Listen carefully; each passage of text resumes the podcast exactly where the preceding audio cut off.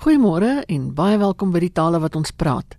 En is vir my 'n voorreg om weer vanoggend vir 'n rukkie saam met jou om die taaltafel te wees hier op RSG. Die hoofregter het onlangs 'n verrykende aankondiging gemaak oor hoftaal. Ek het met die taalkundige professor Ernst Kutse hieroor gepraat. Professor, die hoofregter het onlangs bekend gemaak dat Engels voortaan die taal van rekordhouding in die howe gaan wees. Raak dit nie mense se basiese regte nie? Uh Ina die rol wat taal speel by die erkenning van menseregte in die hof is 'n uiters belangrike kwessie. As 'n mens die grondwet met 'n oop gemoed lees en veral artikel 6 wat oor tale handel en verband bring uh met die ooreenstemmende artikel in die handves van regte wat ook 'n deels vorm natuurlik van die grondwet wat betrekking het op die taalregte van ehm um, rolspelers of betrokkenes in hofsaake druis die hoofregter se beslissing in teen sowel die gees as die letter van die wet. Nou, hoekom sê ek so? Uh daar is 'n paar redes wat ek mee kan gee. Die eerste plek gee die grondwet erkenning aan die feit dat Suid-Afrika nie 'n eentalige of 'n tweetalige land is nie, maar veeltalig. Ja. Dit skep die raamwerk ja, vir effektiewe kommunikasie as in die land as 'n geheel.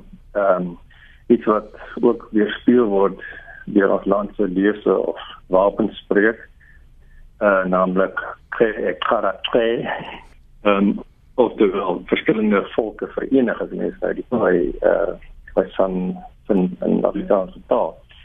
En daardie word die verskeidenheid erken waaruit die een nasie tot stand gekom het. Dit is nou in die eerste plek. In die tweede plek lê die grondwet aan die regering die verpligting op om die status van die onderskeie inheemse tale wat Afrikaans insluit en ek haal aan die praktiese en daadwerklike maatreëls te verhoog en hulle gebruik te bevorder. Een van hierdie maatreëls is die gebruik van die verskillende tale vir amptelike doeleindes onder andere as hoftaal. En artikel 6 is die voorskrif dat die regering is nou nasionaal en provinsiaal minstens, nee, minstens twee amptelike tale moet gebruik. Dit sluit uiteraard ook die departement van justisie en die regbank in. En hierdie twee tale word nie bepaal deur die hoofregter of selfs die minister nie, maar sê die grondwet die regering moet hom laat lei deur en ek wil weer aanhaal die gebruik streeks omstandighede en die ewewig en behoeftes en voorkeure van die bevolking as geheel of in die betrokke provinsie. En dis 'n mondvol, né? Beslis. Nou, indien die hoofregter nou uh, eh, ekstra kedra so besluit neem, kom daar van hierdie voorskrif in die grondwet niks tereg nie. Eerstens, omdat daar uh, geen onderskeid gemaak word op grond van enige streeksomstandighede, behoeftes en voorkeure van die burgers van die land as geheel of verskillende provinsies nie. En tweedens, slegs een taal plek van die minimum van 2 geselekteer is. In die opsig is dit is wat die mees basiese menseregte beslis aangetast. Nou, gewoon op 'n praktiese vlak is Engels die derde of die vierde taal vir waarskynlik die grootste deel van die bevolking. Dan het dit tog sekere uitwerking op mense se vermoë om hulle self uit te druk, wat woordeskat en allerlei sulke dinge betref. Dis presies die geval. Uh Ina, uh jou vorige vraag uh, wat jy weet oor die mense se basiese regte, het te doen gehad met die taalsituasie in 'n bepaalde omgewing en met die voorskrif dat daar voorsiening gemaak behoort te word vir gebruik van meer as een taal, byvoorbeeld in 'n provinsie. Ja. Soos nou die soeklig wat val op individuele taalvermoëns. Nou nie in weet in die breë konteks van van 'n gemeenskap nie, maar op 'n individu kan 'n mens dit sonder twyfel in oor, ooreenstemming met artikel 9 van die Handves van Regte as 'n mensereg beskou dat daar in alle billikheid aan 'n individu die geleentheid gegee moet word om hom of haar op die duidelikste wyse moontlik uit te druk en om presies te verstaan wat aan hom of haar gestel word in 'n hofsituasie. In plaas daarvan dat duidelike, verstaanbare kommunikasie met die betrokkenes voorkeur geniet, geld die voor, voorskrif van verslagdoening in 'n enkele taal wat deur die meerderheid Suid-Afrikaners eenvoudig gebrekkig beheer word. Nou daar is jy heeltemal reg. Ehm um, hierdie word nie net die reg van die individu kragtens artikel 9 benadeel nie. Maar die verloop van die regsproses word ook vertraag. en word die doel van 'n regverdige verhoor in die wiele gery. Jy weet daar's talle situasies waar Engels en spesifiek die regsregister van Engels sommige deelnemers 'n geslote boek is. Ek het nou gister wanneer met kollega Tom McLaughlin gepraat en hy vertel van so 'n situasie wat ook dui op die absurditeit absurditeit van intalige voorstel. En dit dit sou jou ook interesseer. 'n Prokureur in die Suid-Kaap het Afrikaanssprekende kliënt in die landros op verdedig wat beperkte begrip van Engels het. Nou het die pleit uit billikheid teenoor die kliënt in Afrikaans aan die voorsittende beampte voorgedra en dit was aanvaarbaar en toelaatbaar. Dit is naamlik opgestel voor die hoofregter se ekskatedra bepaling en dit in dit is toe in Engels getolk. En die prokureur het toe agtergekom dat hy nie getrou tolk nie, die tolk wat dit doen het nie wat 'n wanvoorstelling van sy kliënt se saak kon neerbring en hy maak die beswaar en bied aan om die pleit uh viva voce hier by die face in Engels aan te bied. Terwyl van sy kliënt se saak en van die teenparty. Maar dit word die landros nie toelaat nie omdat hy nie 'n beëdigde tolk is nie en die hoftolk is natuurlik nie sien. Prokureur het toe halwe sin vir halwe sin vertaal wat die tolk dan net so herhaal het. Omdat dit natuurlik 'n vermorsing van waardevolle hoftyd was, is daar later by die volgende hofsaak stil stil teruggekeer na normaal aanhalingstekens. Sekerlik het hom nou daar miskien in die Suid-Kaap soveel Afrikaans sprekend is. Ja.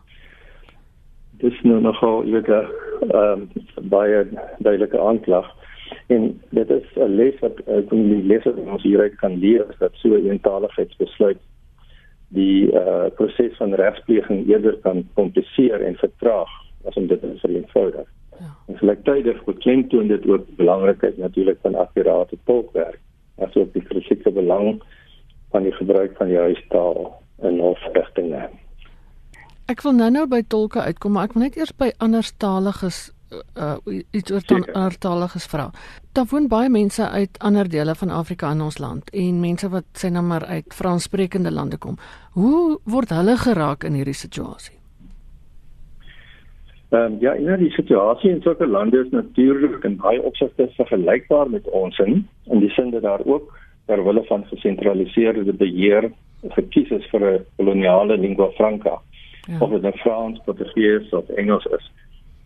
En die sentrale probleem van taalongelykheid voor die regs is daar ook net so akut. En die verskil is dat kommunikasie met die reg hier in Suid-Afrika vir sulke mense dan in plaas van sê maar die gebrekkige Frans moet geskied nou deur 'n feitelik onbekende taal Engels moet plaasvind. Uh nou vir mense kan sê ja, Engels is tog nou 'n wêreldtaal. Uh almal behoort dit te verstaan, maar 'n mens kan daarop dui dat selfs die Engels wat byvoorbeeld in Nigerië gepraat word, onder andere die pidgin Engels wat oor die hele land gepraat word en die in Suid-Afrika dikwels onderling onverstaanbaar is as gevolg van uitspraak en woordeskat verskille.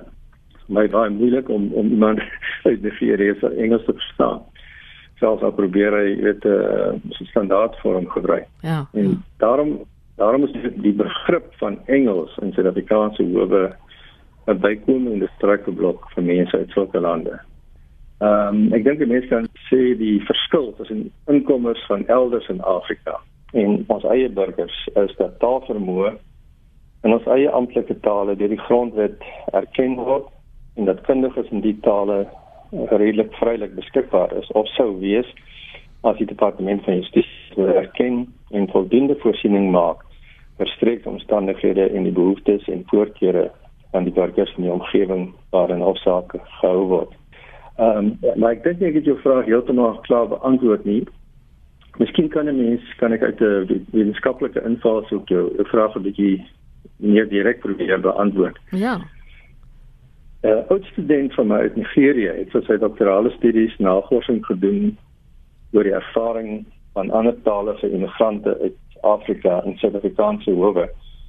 En in die proses ook belangrike kwessies aangeraak wat Suid-Afrikaanse burgers raak. Dis nakies, mense het soms die blik ehm um, van buite nodig om jou eie werklikheid beter te verstaan. Ja.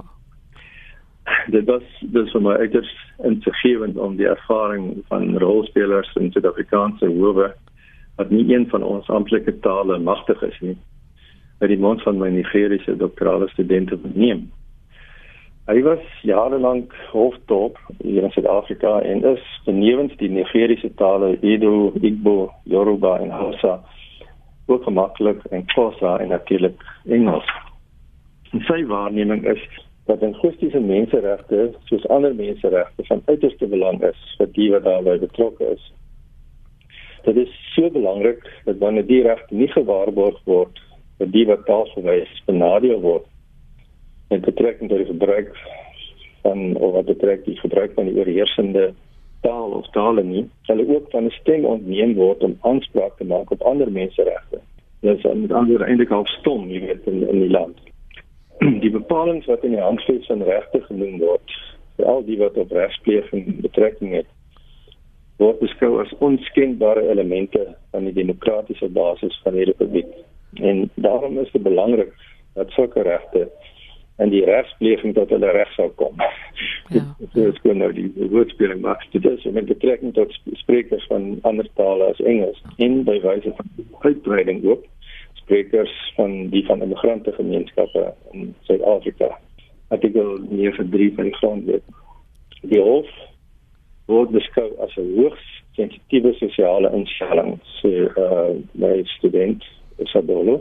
Ons sien saak wat hier te berg kom, dit is die verskil tussen vryheid en gevangenskap of in sommige lande tussen lewe en dood kan beteken vir die aangeklaagde.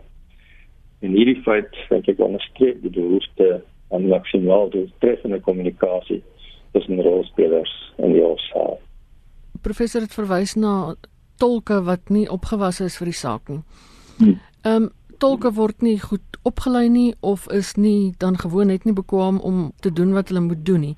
Hoe kom 'n mens dan nou oor daardie hekkie wat dan nou die tussenganger moes wees tussen die mense wat nie die hmm. taal kan praat nie en sy getuienis? Ja.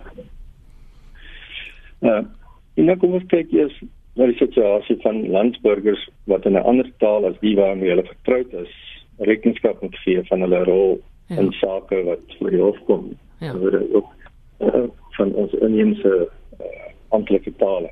Hierdie situasie is eintlik altyd formeel en abnormaal in vergelyking met alledaagse kommunikasie en dit speel dus in 'n vyandige omgewing af. Dit kan natuurlik vererger word deur 'n aanvallende aanklaer ja. en uh, onsympatieke voorsittende beampte. Dit sien ons baie keer ook by die televisie. En um, hierdaags vind mense dat ook die media 'n beoordelende, selfs veroordelende rol speel en op die wyse druk uitoefen op die gang van die regspreking. Uh let op dat dit nie net betrekking het op beskuldigdes in 'n hofsaak nie, maar dat getuies en in siviele sake ook klaar dat ons moet deurloop onder skerp ondervraging. Nou kan dit natuurlik reeds 'n moeilike situasie wees as die proses in 'n mens se eie op bekende taal plaasvind. Wanneer 'n mens nou ook aangewese is op 'n taal waarmee jy minder vertroud is, kan dit traumaties raak.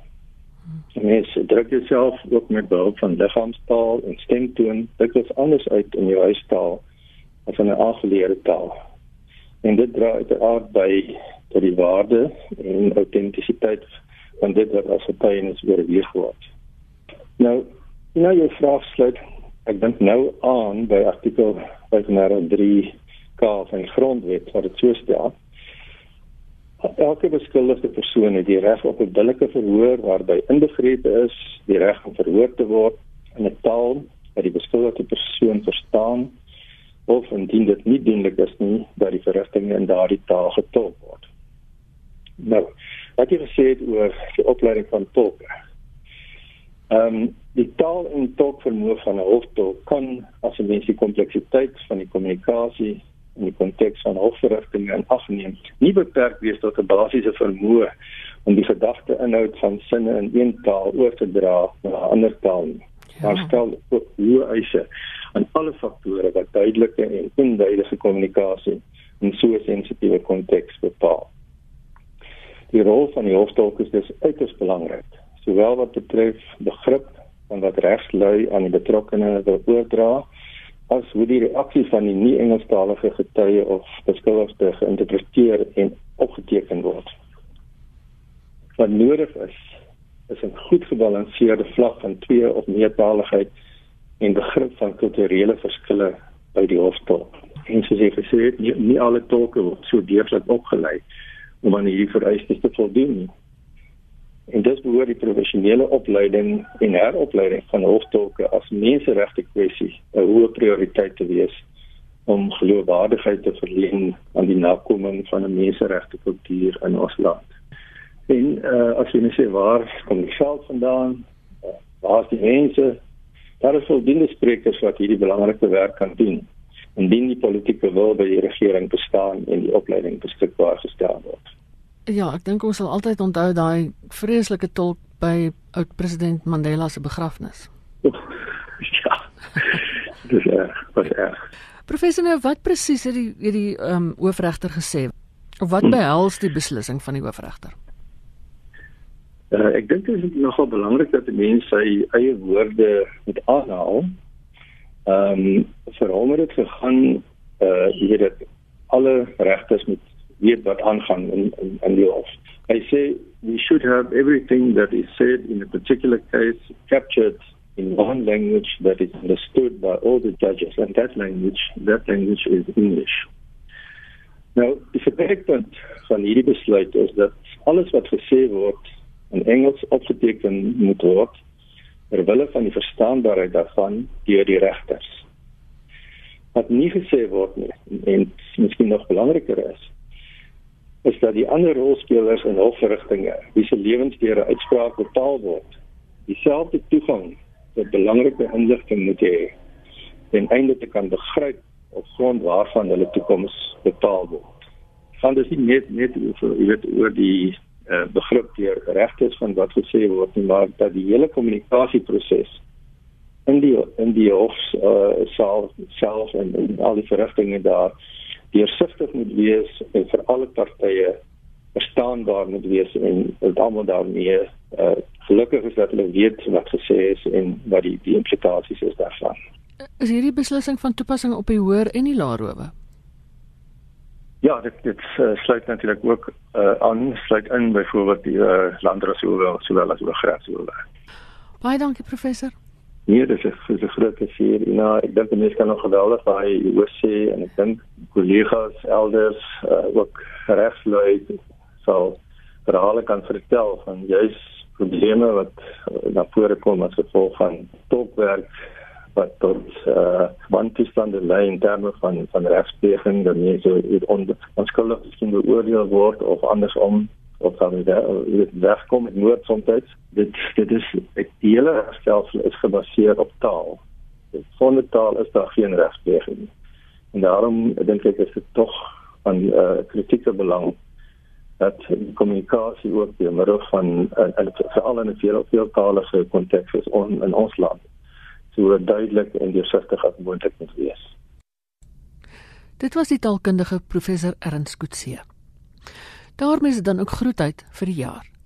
Op Oukersdag en Oujaarsdag saai ons in die tydsgleef spesiale programme uit vir die feestyd. Ek wens jou alles wat goed en vreugdevol is vir die Kerstyd en van my Ina Strydom groete tot aanstaande jaar.